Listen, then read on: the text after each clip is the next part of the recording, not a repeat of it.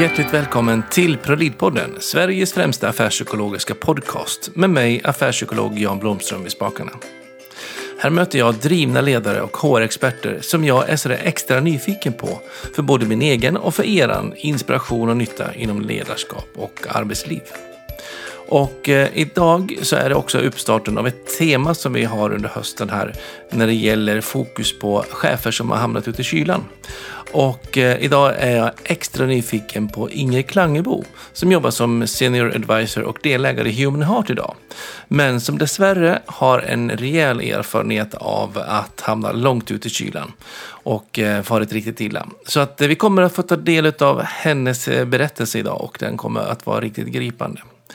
Eh, vi kommer att eh, omnämna ett reportage som är gjort av TV4. Ja, det stämmer faktiskt inte riktigt. Det är ju SVT som är den som gjorde den här fördjupade eh, granskningen eh, som vi pratar om lite senare. Så att eh, ni får helt enkelt lyssna med SVT-öra istället för TV4-öra just den. Vi ber om ursäkt för det. Men utöver det hoppas jag att ni kommer att få en riktigt bra avsnitt idag. Så att eh, välkommen till Inger Klangebo säger jag härmed.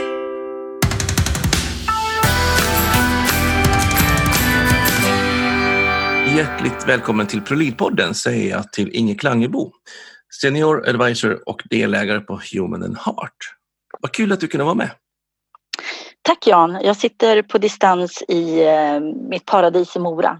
I Mora, ja. Och jag sitter i mitt paradis på Gotland. Mm. Underbart med teknik. Eh, vem, vem är du, förutom att du sitter i Mora? Eh, jag har en HR-bakgrund, eh, varit eh, personalansvarig personalchef och hög chef inom offentlig förvaltning. Har också jobbat i privata näringslivet i första delen av mitt yrkesliv. Mm. Jag är en passionerad HR-arbetare som brinner för arbetsmiljöfrågor och utveckling av medarbetare. Jag tror på människor. Härligt. Och eh, vi kommer säkert ta del av lite grann av din grundsyn där kanske mellan raderna. Men egentligen är det inte riktigt därför du och jag träffs idag. Utan eh, vi ska ju faktiskt få ta del lite grann av, av din story, lite grann kring vad som kan hända när man som chef hamnar ute i kylan. Mm. Det stämmer. Eh, jag eh, pratar, det har gått två år nu sedan jag hade ett, ett mörkt år Ja. Eh, hela 2017 var ett år som jag eh, tänker tillbaka på med en klump i magen. Eh, väldigt många erfarenheter. Eh, och det känns som att det är läge att beskriva lite grann vad jag gick igenom då. Ja. Och eh, när jag är ute och konsultar så att jag träffar ju ibland, eller lite för ofta på personer som ibland har lite den här episoder där man kan se tillbaka till ett mörkt år med en klump i magen. Och det jag tycker mig se det är att man, man är en, en, en, oftast en, en chef som är kunnig och driftig och som är etablerad som gör att man inte riktigt eh, identifierar sig som att man har hamnat i, i kylan eller kommer i de här maktkamperna förrän det nästan är för sent. Och det gör att jag är också hemskt nyfiken på att eh, få ta del av din del och jag tror att våra lyssnare kommer att tycka att det är jätteangeläget faktiskt att få, få höra hur det faktiskt kan vara. Så kan inte du eh, berätta lite grann, vad var det som hände? Liksom? Vad var det som ledde fram till, till det här året som var, var mörkt för dig? Ja, eh, till att börja med så så den beskrivning du gav av andra du har pratat med och tydligen, det, det är verkligen mitt i prick. Eh, jag hade en, ett, ett, ett hemskt roligt jobb. Jag fanns i ett sammanhang där jag fick tillhörighet, bekräftelse. Eh, jag kände mig otroligt trygg och framgångsrik. Mm. Eh, och helt plötsligt så hände saker som gjorde att jag hamna i, i iskylan. Eh, det började med att, att jag blev eh, anmäld eh, till en, jag blev anonymt anmäld till vår visselblåsarfunktion i den organisation där jag jobbade då. Och vad hade du för tjänst då, eller för funktion då? Då, då var jag förvaltningschef. Ja. Mm. Eh, och eh, det, det blev en chock för mig. Eh, jag hade ju jobbat med att införa eh, både visselblåsarfunktionen men också ett antimobbningsarbete. Det var det som hade präglat året, eller åren innan. Mm. och det blev så chockartat för mig att någon överhuvudtaget trodde att jag skulle kunna begå oegentligheter. För det var det som anklagelserna handlade om, oegentligheter och upphandlingar. Ehm, så det startades en utredning där jag friades, men det tog ehm, tre månader ungefär. Hur fick du reda på att du hade blivit anmäld via visselblåsarfunktionen? Hur kom det dig till känna? Liksom? I ett samtal med min chef. Ehm, och det väckte både eh, chock, eh, ilska och förtvivlan. Eh, så jag åkte hem och började gräva i och för, försöka förstå varför hade det här uppstått. Eh, och det blev en väldigt konstig situation därför att min chef var ju den som var högst inblandad i eh, de anklagelser som ställdes mot mig. Så, mm. så det blev väldigt obegripligt för mig. Och där fick du egentligen ingen hjälp att försöka reda i just där i början? Nej, det fick jag inte. Jag fick inte knappt det under hela tiden utan det, det här skapade en, en väldigt eh, en, en spricka mellan mig och eh, min chef och eh, i den så, så tappade jag också eh, relationer eh, i de arenor som jag hade. Eh, så, så att jag, eh, det slutade med att jag blev sjukskriven. Mm. Eh, och det var också en obehaglig upplevelse för det går väldigt fort eh, för en människa och det fick jag känna på då att bli introvert nästan på social fobi Eh, så under sommaren 2017 så fick jag verkligen eh, brottas med min framtid. Vad skulle jag göra? Hur skulle jag tackla det här? Jag kände mig otroligt ensam. Eh, och eh, kände inte igen mig själv. Nej. Och ja, verkligen. Ja, det, det, det svänger snabbt och man, man får djupa processer i sig själv när man mm. kommer till det läget. Mm. Eh, men om man då, för, då, för det var då, om vi ser liksom på den utredningen som var, så mm. kommer vi tillbaka till lite vad som skedde i lite senare skede tänker jag. Eh, för du vart anmäld, du fick det här samtalet, du går hem och, och liksom grubblar eller gräver och försöker förstå. Men vad händer med utredningsdelen och försöka få, få, få klarhet i, vad det är från arbetsgivarsidan? Ja, alltså utredningen eh, har jag eh, och hade jag och har jag många synpunkter på. Eh, och, och, att för det första då att bli falskt anklagat och inte få försvara sig. Det är, det, det är ju eh, oerhört svårt och det är ju inte rättssäkert. Nej. Hur, eh, vad, vad upplevde, hur upplevdes det för dig? Eh, men jag upplevde det som att, att jag inte fick ge min version och när jag försökte så, så tystades jag ner. Eh, då sa man att eh, ja men det här är inte något allmänt problem. Det blev, det blev ju medialt och, och i, den, i det drevet så blir ju väldigt många människor rädda för vad, vad som ska komma fram när lampan lyser på en organisation. Mm. Det gjorde att man försökte förringa det här. Jag tyckte att vi skulle lyfta problemet med att, att vi, hade, vi hade svårigheter. Jag var inte ensam om att inte ha koll på upphandlingar till exempel. Eh, men när jag sa det så blev det, eh, blev det besvärligt och, och, och jag, jag, blev så att säga tystad att inte dra upp liknande fall. På vilket eh, sätt? Ja, men det, det, det, det, var min chef som sa rent ut till mig att det, det ska vi inte dra upp nu, det har inte med det här att göra.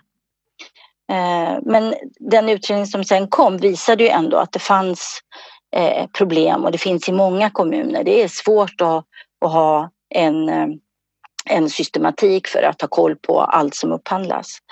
Eh, så det blev ju naturligtvis en, eh, en bekräftelse på att jag visste att jag inte hade medvetet begått en massa oegentligheter som, som den första bilden gav. Mm. Var det en intern utredning eller var det externa parter som gick in och utredde? Det var externa parter som gick in och utredde och det, det var väl bra. Eh, samtidigt som, som jag, eh, jag har mycket synpunkter på utredningsmetodik och det, det har jag tagit med mig in i det, det, jobb som jag gör idag. Så det vill jag inte gå in på i detaljer. Mm. Eh, det som jag slogs av ganska tidigt det var den stora massans tystnad. På vilket sätt? Att, att eh, det, det är så många som i sådana här drev blir rädda. Eh, och jag har full förståelse för det. Men det jag upplevde när jag satt så att säga i kylan, det var att det hade hjälpt och hade varit så otroligt betydelsefullt om mina kollegor eh, hade bara hört av sig. Det fanns absolut de som gjorde det. Eh, det, var, det var många som hörde av sig på mm. olika sätt. Men det var inte mina närmaste kollegor. Det var inte de jag hade haft runt omkring mig i min ledarroll. Utan det var andra människor som hörde av sig. Och, de som står i skuggan och de kliver liksom fram? Och... Ja, de vågade. Mm. Och det där är, tycker jag är otäckt. Eh, att eh, så många inte vågar fråga och bry sig därför att man tror att man kanske måste ta ställning. Eh, och, och, jag menar att det, inte, att det inte behöver vara så. Man kan ställa frågor och man kan lyssna. Man behöver inte ta ställning. Eh, det, det handlar om medmänsklighet. Mm. Kan du förstå varför de eh, inte vågar kom, komma närmare? Jag har inte svaren på det. Jag har grubblat jättemycket. Eh, det fanns ju några, eller någon högt uppsatt politiker som gav otroligt stöd eh, ganska länge. Eh, och det, det trodde jag skulle liksom gynna mig. Men eh, i slutändan så, så var det på något vis lättare att, att eh, offra mig när jag... Jag tog ju frivilligt klivet ur organisationen efter sommaren, den, alltså där 2017. För jag orkade inte längre. Nej. Och då, då svek eh, även den personen som, som hade stått mig nära och som hade lyssnat och, och som jag trodde eh, kunde bana väg för det rätta så att säga.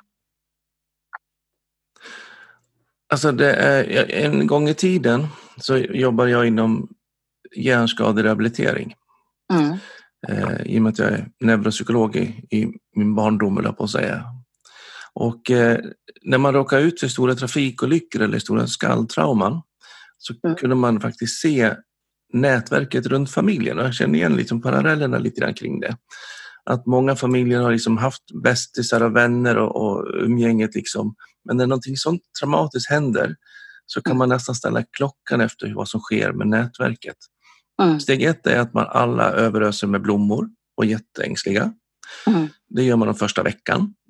Sen så försvinner liksom de som har de flesta och sen så är det ett litet gäng som är kvar. Mm. De är kvar ungefär ett halvår. Och när ett år har passerat så är det nästan ingen kvar utav mm. de som är nära. För då var det inte så kul längre att umgås för då är liksom förutsättningarna förändrade. Mm. Och under den där resan, under, från ett halvår till ett år, då brukar oftast de här som man egentligen inte har någon kontakt med, de som finns liksom långt ute i periferin, de mm. liksom smyger lite sakta fram och plötsligt så är det de som är stommen och ryggraden i, i relationen. Mm. Ja. Och jag jobbar ju mycket med de där då och, och, min slutsats lite grann, den är ju någonstans att man måste ha varit inom och jobbat med sig själv. Så det är oftast de personer som är trygga med sin egen reaktionsmönster i en, den typ av situation som orkar kliva fram och vara nära. Absolut. Ja, det håller ja. jag verkligen med om. Och har man inte varit i den där eller varit bekant med de funderingarna och liksom jobbat med sig själv kring det, då är jag ju livrädd att tänka om jag ringer och frågar hur du mår, Mm. då finns det ju risk att jag också hamnar under lupp. Mm. Eller någonting. Mm. Och där vågar jag inte ens våga närma mig tanken hur det och känslan hur det skulle kännas, så därför låter jag bli. Så det är Mm. egentligen försvarsmekanismer som, Ja. som är otroligt universella. Ja, precis. Och mitt tips är till er som lyssnar också att när ni ser en kollega som råkar ut eller en närstående eller någon vän som råkar ut för något trauma i sin familj, det kan vara det också. Eh, skicka inte blomma första veckan helst. Ja, det kan man ju det också, men Mm. se till att dyka upp någon gång ibland då och då och bara finns där. Mm. Man Ja, behöver inte göra något. Nej, exakt. Bara lyssna, ge en kram, vara medmänsklig. Ja, så att jag är här. Ja, precis. Ja. Alltså det jag upplevde, det, det var ju att eh, jag började tvivla väldigt mycket på mig själv, på det jag hade gjort, om jag hade eh, missat någonting på vägen, eh, om jag eh, skulle våga var, jag, jag jobbade i en annan stad och det var nog mycket min räddning. Att jag inte Mm. behövde möta människor. För det är faktiskt så att än idag så får jag en liten, liten del, klumpen i magen väcks till liv när, jag, när jag kommer till den stad där jag jobbade. Och det är, hade ju varit, tagit mycket längre tid tror jag om jag hade ständigt eh, fått vara på vakt när man är ute och handlar, när man är på stan. Vilka ska man möta? Och sådana tankar. Eh, det, det räckte med eh, att vara på distans eh, och vara... Jag, jag jobbade ju hela hösten eh, 2017 eh, under tiden, eller inte hela, jag jobbade halva hösten kan man säga. Eh, under tiden som jag hade sagt upp mig och drevet bara fortsatte. Mm. Eh, och, och att vara utsatt för det här mediala drevet där det tolkas och är väldigt ensidigt. Eh, det, det går, där, där känner man sig så oerhört liten. Man ger upp, det går liksom inte att strida. eh, Vad handlar mot det de drevet om? Eller vad, vad, vad, varför drev de, varför fortsätter drevet så att säga? Eh, ja, det, det, var, det berodde ju på att, att eh, media inte förstod vad som hände i den här organisationen. Vi var tre eh, höga chefer som lämnade och de personerna har ju varit ett otroligt stöd för mig. Eh, och det var delvis för att, eh, att de inte klarade av hanteringen av hela det här eh, ärendet, eller vi ska säga, som jag blev. Att de lämnade. Eh, det fanns andra förklaringar också såklart. Men delvis var det det. Och, det Så de tog ställning liksom och sa att det här går inte vi, ställer inte vi upp på. Ja, så här sköter man inte en sån här Ja. fråga. Liksom. ja, precis. precis. Det här funkar liksom inte att eh, jobba med. Och, och det som var så, så, så dubbelt och tvetydigt det var att, att de här antimobbningsfrågorna på något vis var det som, som skapade sprickan och som det blev kärnfrågan i det hela. Och, eh, På vilket sätt? Vi drev det, den processen, eh, hur man skulle jobba med det i organisationen och det var väldigt uppskattat från politiken men inte från vår högsta chef och det blev också väldigt mycket liksom, ja, diskussioner kring det. Vad, vad står det för och så vidare. Eh, och samtidigt känner jag ju att jag blev utsatt för, för eh, verkligen att bli ställd utanför arbetsplatsens gemenskap som är en av definitionerna i, i eller en av, av formuleringarna i definitionen av kränkande särbehandling. Mm. Så alltså det fortsatte att nystas och grävas och då kommer man ju till en punkt där också familjen blir indragen det, när det liksom skrivs i media och görs tolkningar och man, man själv inte har möjlighet att försvara sig. Utan det målas upp en bild av dig och hur du agerat och inte agerat. Mm, precis. Men sen kom TV4, eh, vår lokalredaktion i Dalarna. Eh, de gjorde ett, eh, ett, en serie av grävande reportage kan man säga. Mm. Eh, och det blev... Eh, min eh, upprättelse på ett sätt. Eh, det, det var också väldigt förvånande eftersom jag eh, genom mitt jobb och genom det jag hade gått igenom under det här året var väldigt kritisk till media. Men där kom det några som var intresserade på riktigt. Mm. Alltså vad som egentligen har hänt? Liksom. Ja, ja. Och de grävde det och det var, det var fantastiskt. Så att eh, det ledde faktiskt till att jag, att jag orkade ställa upp på en intervju eh, hemifrån.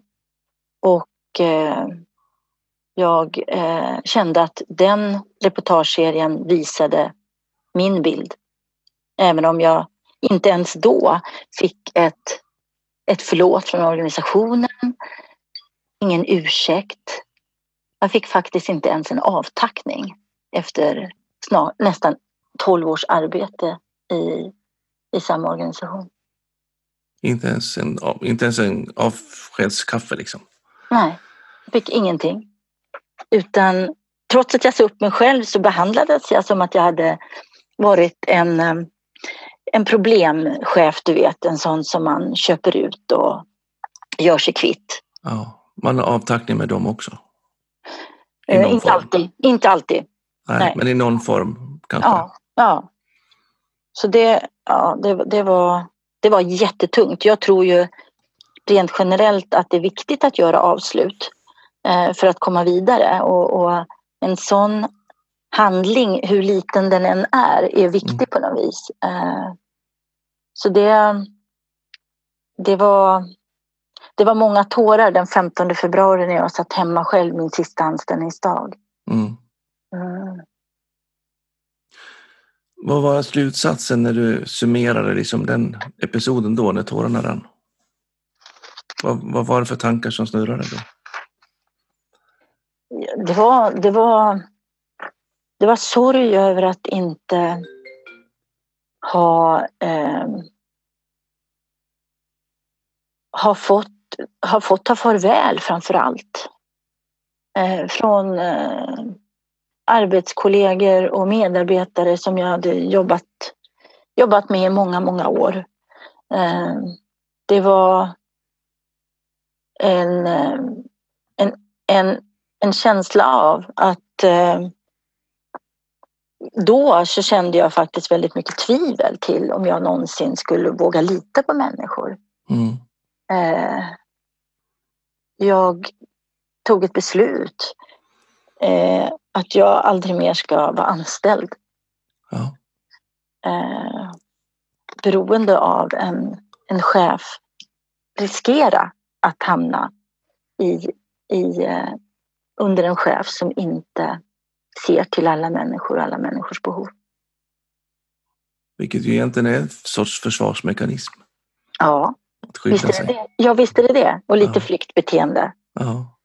Eh, men, men det var vad jag kände då. Det kommer jag mycket väl ihåg. Starkt. Ja. Och man går ju märkt ifrån en sån här episod. Ja, men det gör man verkligen. Jag, jag, är inte, jag är inte samma Inger som jag var innan det här hände. Nej.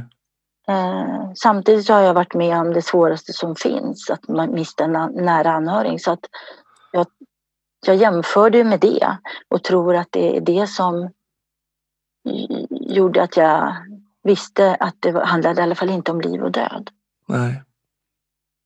Men att förlora en nära anhörig, hur hemskt det än är, så är ju det, tänker jag, många gånger ganska relevant. Eller det är förståeligt eller det, det liksom följer en logik eller att eh, det, var en olycka, det var en sjukdom, det var något, någonting som, och man kan liksom och det, liksom, det hände det som hände. Mm. Eh, så är det i alla fall någonstans rent i botten. Här är ju liksom ett, ett mm. oren sorg och en oren kris. Ja. Tänker jag. Ja. Där man liksom inte riktigt ser mönstret. Det blir, som du säger, utrymme för för reflek- liksom, med granskningen och osäkerheten och tvivlen och, mm. och, och, och liksom, där man inte blir rättvist behandlad. Det blir ytterligare i alla fall en dimension, tänker jag. Absolut, och det väcker, det väcker och man får syn på sidor hos sig själv som man nästan inte förstår. Alltså en enorm ilska, en enorm känsla av att hämnas. Mm. Att, eh, att få upprättelse. Eh, Och det blir jätteviktigt liksom. ja, det blir det. Och, och, och eh, det, man, får väldigt, man kan få väldigt många konstiga tankar och idéer. Eh, och det hade jag också, men på något vis så tror jag att det tillhör processen. Man Mm. måste få vara arg, man måste få, få tänka det utan att det är samma sak som att man någonsin skulle förverkliga det. Mm. Eh, och, och där tror jag att, att vi måste eh, vi måste våga prata om de här svåra sakerna, vad det innebär. Och vi måste vara eh, mer förstående och faktiskt fråga människor, som du gör nu. Hur Mm. blev det för dig? Hur kändes det? Jag tror att det är oerhört viktigt.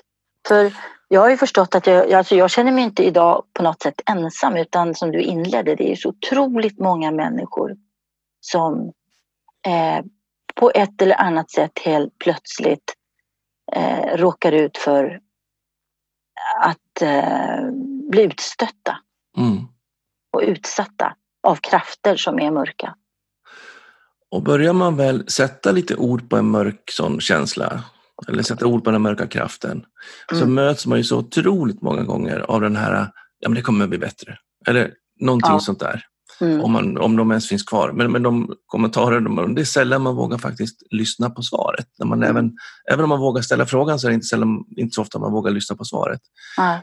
Och som du är inne på, att man faktiskt sätter ord på hela registret av känslor är ju, tycker jag i alla fall, som utifrån ett behandlande perspektiv, Mm. absolut jätteavgörande. Mm. Att våga formulera på hur jäkla förbannad man är Mm. och sen brodera ut det i finmasket nät liksom. Så att man verkligen har en ilskokänsla, hela bilden utmålad och klar. Ja. Sen kan man göra samma sak när det gäller hur ledsen man är. Eller hur tom man är. Eller hur, Ja, hur jag ska hämnas. Eller man målar Ja. upp eller sätta ord, brodera ut hämndscenariot. Så att Ja. man verkligen har koll på varenda nyans utav det. Ja. Sen behöver man inte göra något. Man bör inte hämnas. Man Nej, som lyssnar, Sluta inte. hämnas. Nej. Nej. Tänk gärna, men gör det inte. Nej, men det gäller ju att ha, ha eh, redskapen och verktygen för att bearbeta något sånt här svårt. Eh, Mm. Jag har haft det som tur är. Jag har haft grupper och jag har haft eh, samtalsstöd eh, och människor som, som jag har kunnat prata helt öppet med. Eh, Mm. Jag tror att annars är risken att man blir bitter. Mm.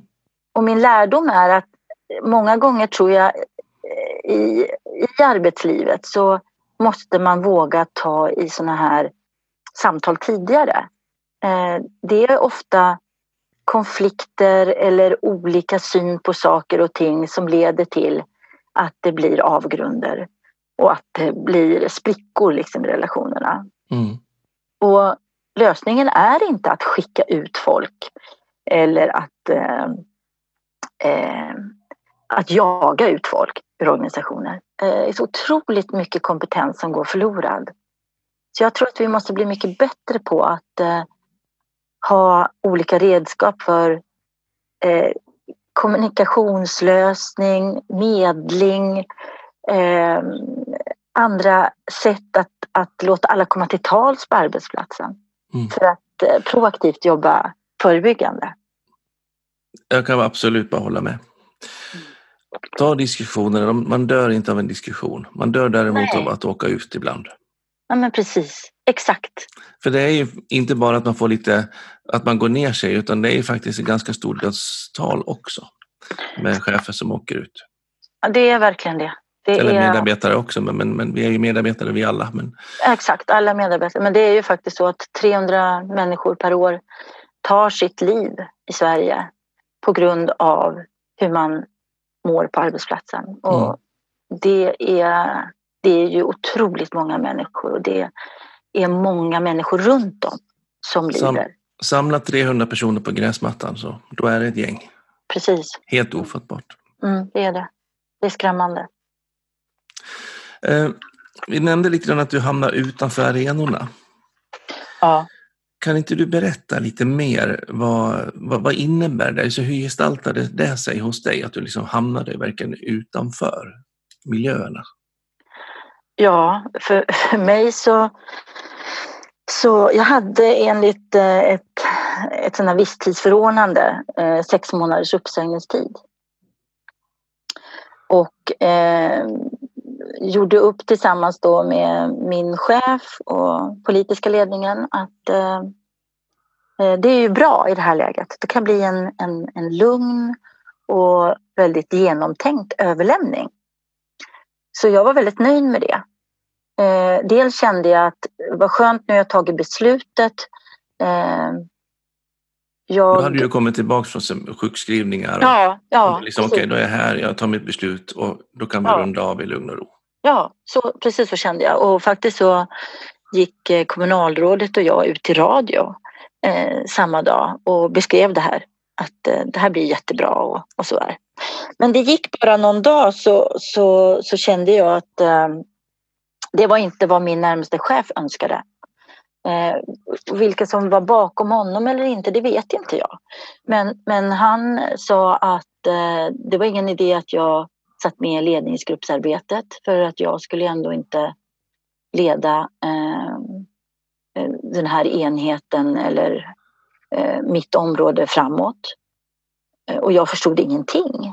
Eh, jag hade ju, jag kände att alltså, det var ju inte, det var ju inte, jag hade ju inga anklagelser på mig då. Allt var utrett och klart. Och du var friad på punkten? Ja, jag var friad, precis. Eh, och eh, Eh, så jag förstod inte varför jag inte skulle liksom kunna komma till arbeta, fortsätta arbeta i ledningsgruppen och i, den överlämning som jag såg framför mig då. Men eh, då, då, då påstod han att, att jag hade på det sättet som jag hade sagt upp mig så hade de ingen förtroende för mig längre. Eh, så att det gick inte. Och, Hur hade du sagt upp dig då? Eh, grejen var väl inte egentligen hur jag sagt upp mig, för jag, man kan ju bara säga upp sig på ett sätt. Jag ja, det var det jag tänkte. Men att, att eh, media, att det blev liksom in i radion direkt, att media reagerade på varför, varför och det kanske var, det var väl troligen för att vi var tre stycken som sa upp oss samtidigt. Så det blev en, en, en grej som jag inte hade räknat med. Måste jag säga. Det, där där eh, hade, hade jag förstått det innan så hade vi kanske gjort det på ett annat sätt. Men, men det var ju fortfarande inte... Jag tror att man tolkade det som för mycket att ställa sig bakom mig. Att, att de här människorna som, som ju har varit mitt stöd, att de markerade mot organisationen. Jag tror att det var det som var tolkningen. Men som sagt, jag fick aldrig träffa dem. Det blev så. Jag fick, jag fick inte komma till ledningsgruppen. Jag sa att vi måste ju stå enade nu och, och, och inge trygghet i organisationen. Att trots att vi har sagt upp oss så ska vi göra det här på ett lugnt och fint sätt. Eh, det, det, förnyelse kan vara bra ibland. Man kan ju vända saker och ting till, mm. något, till, något, till något positivt. I alla fall göra det bästa av situationen. Liksom. Ja, precis. Eh, så, så jag ville ju träffa dem, svara på deras frågor om de nu hade kritik och, och tyckte att, att, att eh, jag hade hanterat situationen oklokt. Det ville jag gärna försvara mig. Då kommer vi tillbaka till det här att, att, inte, få, att inte få ge sin bild av saken. Det är mm. otroligt frustrerande och gör jätteont. Det gnager i söndren. Men jag fick faktiskt aldrig jag fick aldrig träffa mina ledningsgruppskollegor. Några av dem har hört av sig på vägen, eller någon kan jag säga, och några har hört av sig efter alltihopa och vi har kunnat träffas några stycken på lunch och så. Eh, men det, är ju, det, det blev ju en otroligt stor grej, mycket större grej än vad det hade behövt bli. Mm. Och vad det, där finns det en massa tankar och spekulationer från min sida vad allt det här stod för.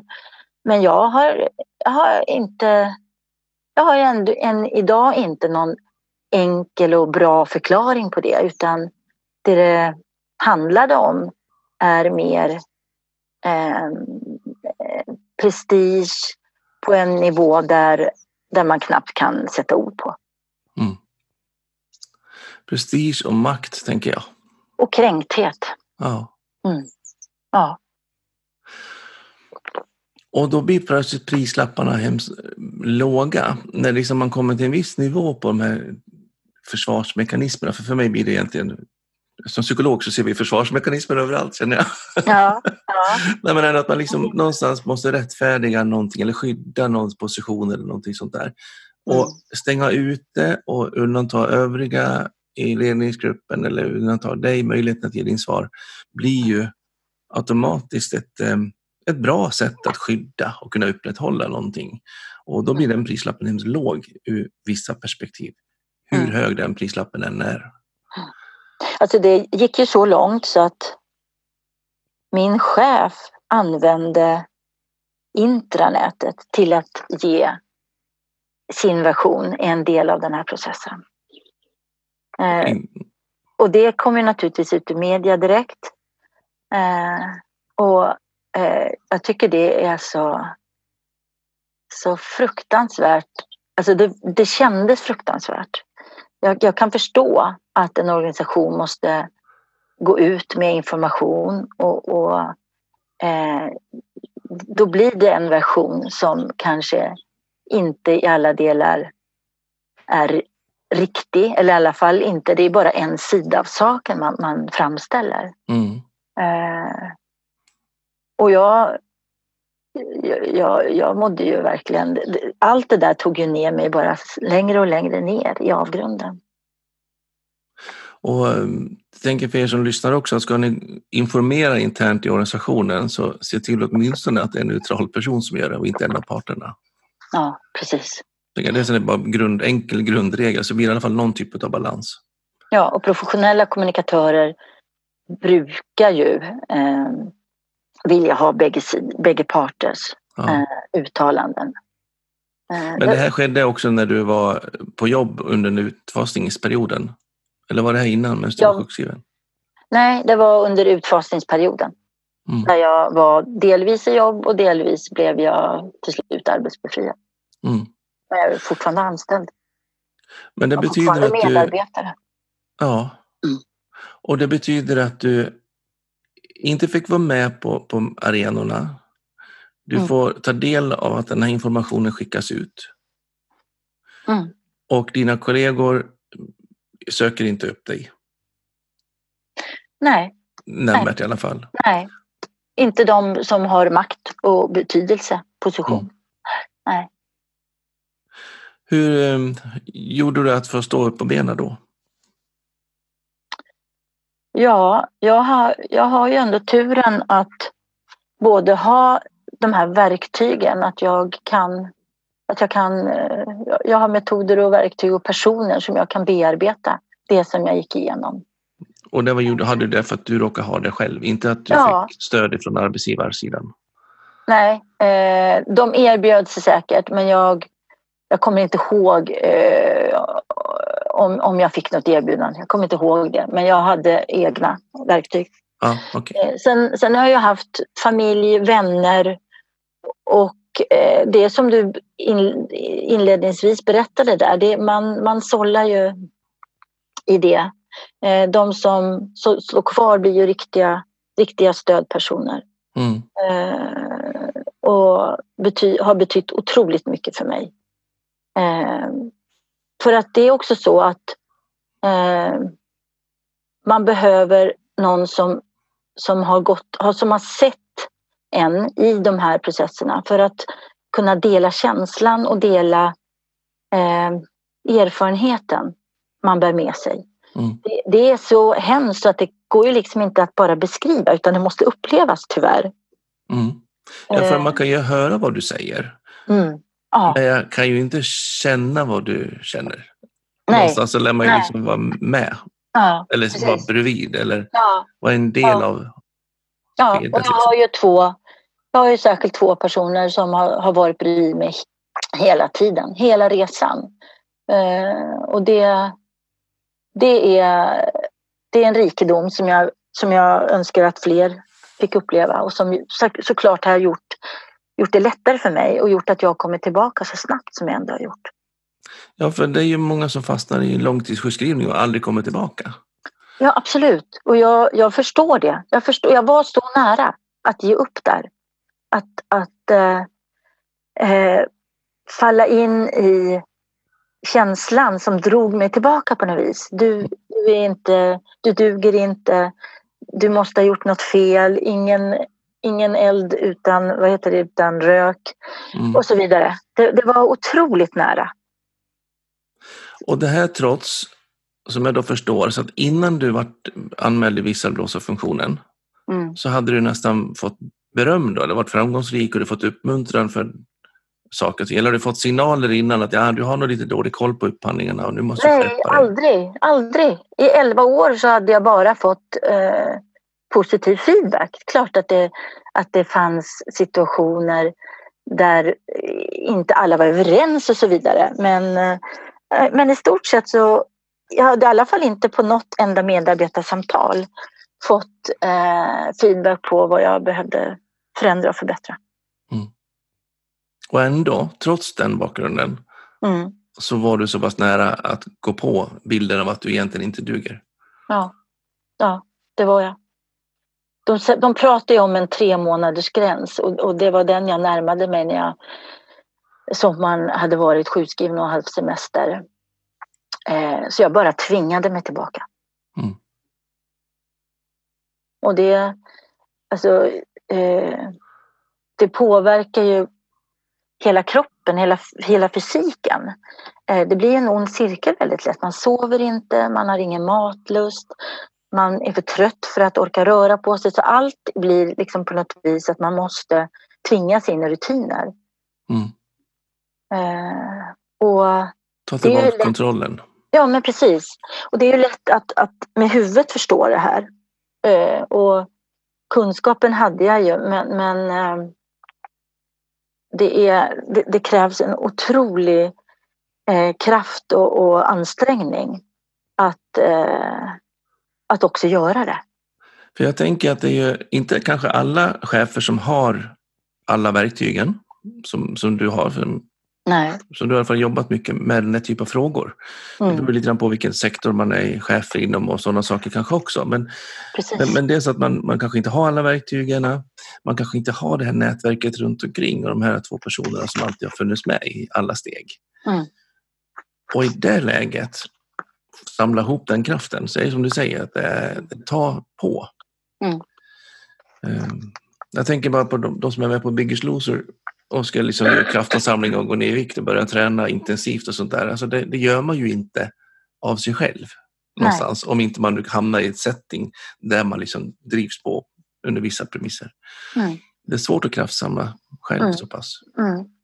Ja, det är det verkligen. När du gick tillbaka efter sjukskrivningen, hade du, bestämde dig, hade du bestämt dig då redan att gå tillbaka och säga upp dig? Nej. Eller hade du tanken att du gick tillbaka och skulle fortsätta? Mm. Jag trodde det. Jag trodde att jag skulle gå tillbaks och att det fanns möjlighet att reparera och få en nystart. Men eh, det, det, gick väldigt snabbt och då pratade jag faktiskt om dagar, veckor i alla fall. Eh, när jag kände att det inte gick. Och då... Vad var det som fick dig liksom att säga att det här, det här kommer inte att funka? Men det, var, det var ju min, min chefs eh, förhållningssätt och attityd. Mm.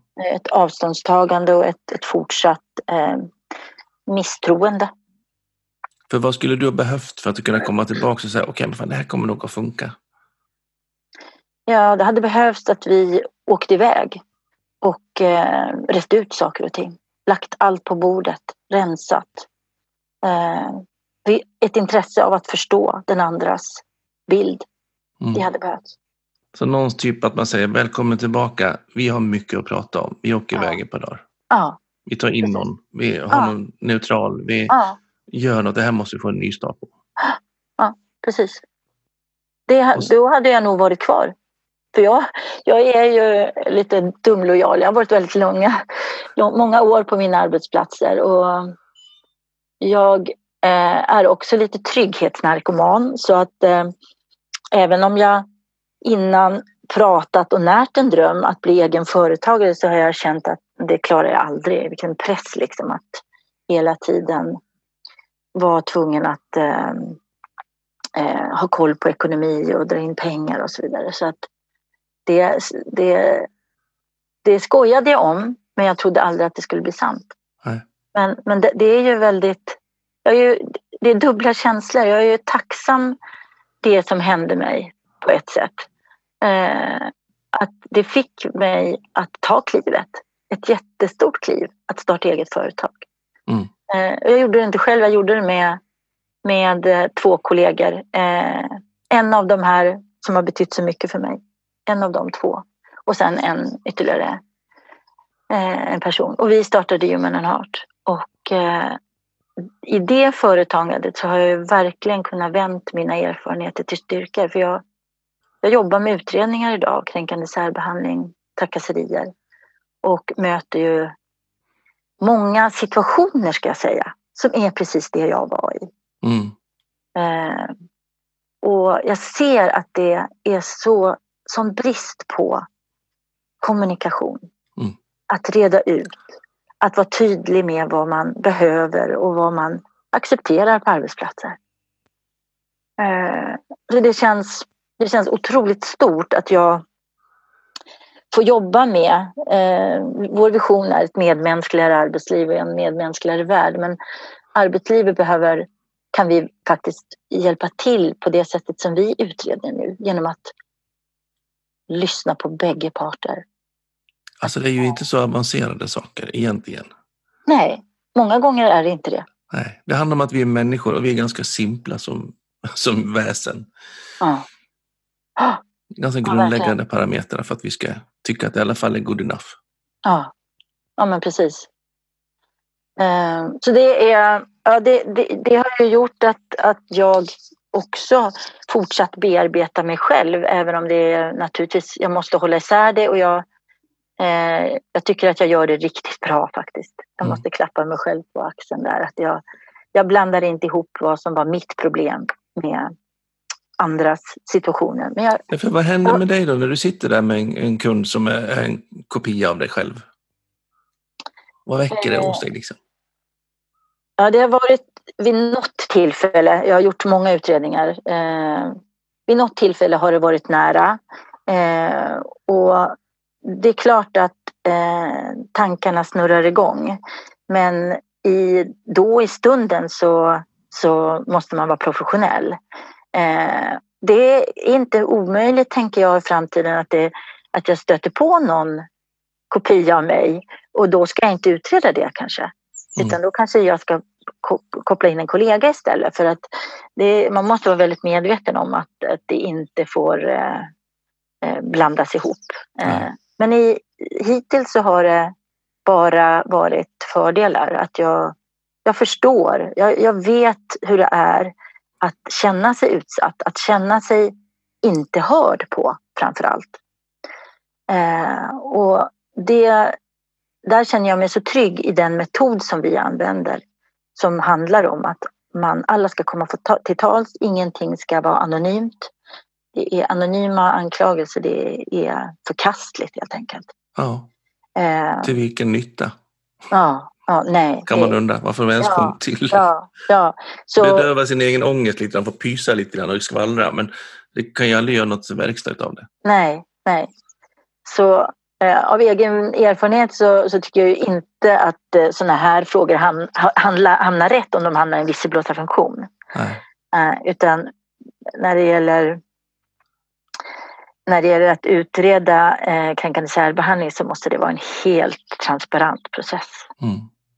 Så alla ni som lyssnar, om ni har en anonymitet i era tillvägagångssätt idag, sluta med det pronto. Mm. Så kan man mm. väl säga i alla fall. Ja, absolut. Ja. absolut. Det är så det är verkligen eh, det första man kan ta upp när det gäller att, hur man inte ska hamna i att, bli, att, att kränka någon. Mm. Mm. Men det betyder att du har egentligen jobbat i typ 12 år på din arbetsplats i hög chefsposition under största delen av tiden. Mm. Eh, du var ansvarig eller var med och drev att implementera antimobbningsprocesser. Ja. Och sen så small du till och hamnade där själv. Mm. Och kom ut med livet i behåll på gärdsgården. Mm. Och jobbar med att utreda och hantera kränkande särbehandling på arbetslivet idag. Ja, ja Det precis var så är den det. cirkeln sluten. Ja, ja, men det känns ju lite så. Och nu har det precis passerat tvåårsdagen för jag sa upp mig. Mm. Det var den här månaden för 2017. Mm. Så ja, det känns stort faktiskt. Det gör det. Härligt. Man får vara Ja. glad för att livet finns kvar. Absolut. Vad skulle du vara dina viktigaste eller bästa tips till, till chefer som lyssnar på det här som känner att shit, jag har varit med, jag är ju i samma situation eller jag har varit i samma situation. Mm. Eh. kloka ord att skicka med tips till dem. Ja, alltså det, jag, jag har inget enkelt tips. Alltså jag tror att det är, finns fortfarande så mycket rädslor eh, för att öppna upp och prata om elefanten i rummet eller problemet som borde sättas ord på. Mm. Men, men det är ändå det jag tror på. Så jag tror att, att man att mitt tips blir att, att se till att, ha, att inte vara ensam. Att ha stöd eh, på något sätt för att bearbeta det man går igenom, bearbeta sina tankar och kanske få ett stöd för att eh, det du lite grann var inne på, att, att en tredje part kanske kan göra att man, man kan prata om det som behöver pratas om. Mm. Ja, viktigt. Och eh, ni som är erfarna och ser och identifierar er som otroligt driftiga chefer kanske inte inser och ser att ni är på väg in eller är mitt i, i sånt här maktspel. Mm. Eh, sänk garden lite grann och kolla in vad du faktiskt står i, tänker jag. Från mitt perspektiv i alla fall. Och Ja. se nyanserna, se signalerna. För ju tidigare man ser dem och kan agera på dem, desto bättre. Ja, Mm. absolut. Absolut. Mm. Eh, vi spelar in det här ungefär samtidigt som eh, Hanif Bali på Moderaterna har fått ett allvarssamtal av sin chef Mm.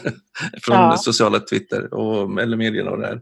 Ja. Eh, och eh, jag var med i Radio P4 här igår och pratade om hur man hanterar smarta, smarta bångstyriga medarbetare. Okej. Aha, Eh, vad och spännande. de är ju inte kränkta kanske på det sättet, men i alla fall så är det ju att man någonstans tycker jag ser att man, när man man tar inte samtalen i god tid, utan man låter det vara tyst, det låter vara tyst, det låter vara tyst och sen nej, du kan inte vara kvar. Och så straffar Exakt. man, tar bort Ja. dem, omplaceringar eller vad det nu kan Ja. vara. Ja. Eh, och ta bort det Twitterkontot eller vad det nu kan vara. Istället Ja. för att prata i god tid och säga hallå, det här, ja, det här är inte vad vi förväntar oss. Vi behöver faktiskt någonting annat. Ja.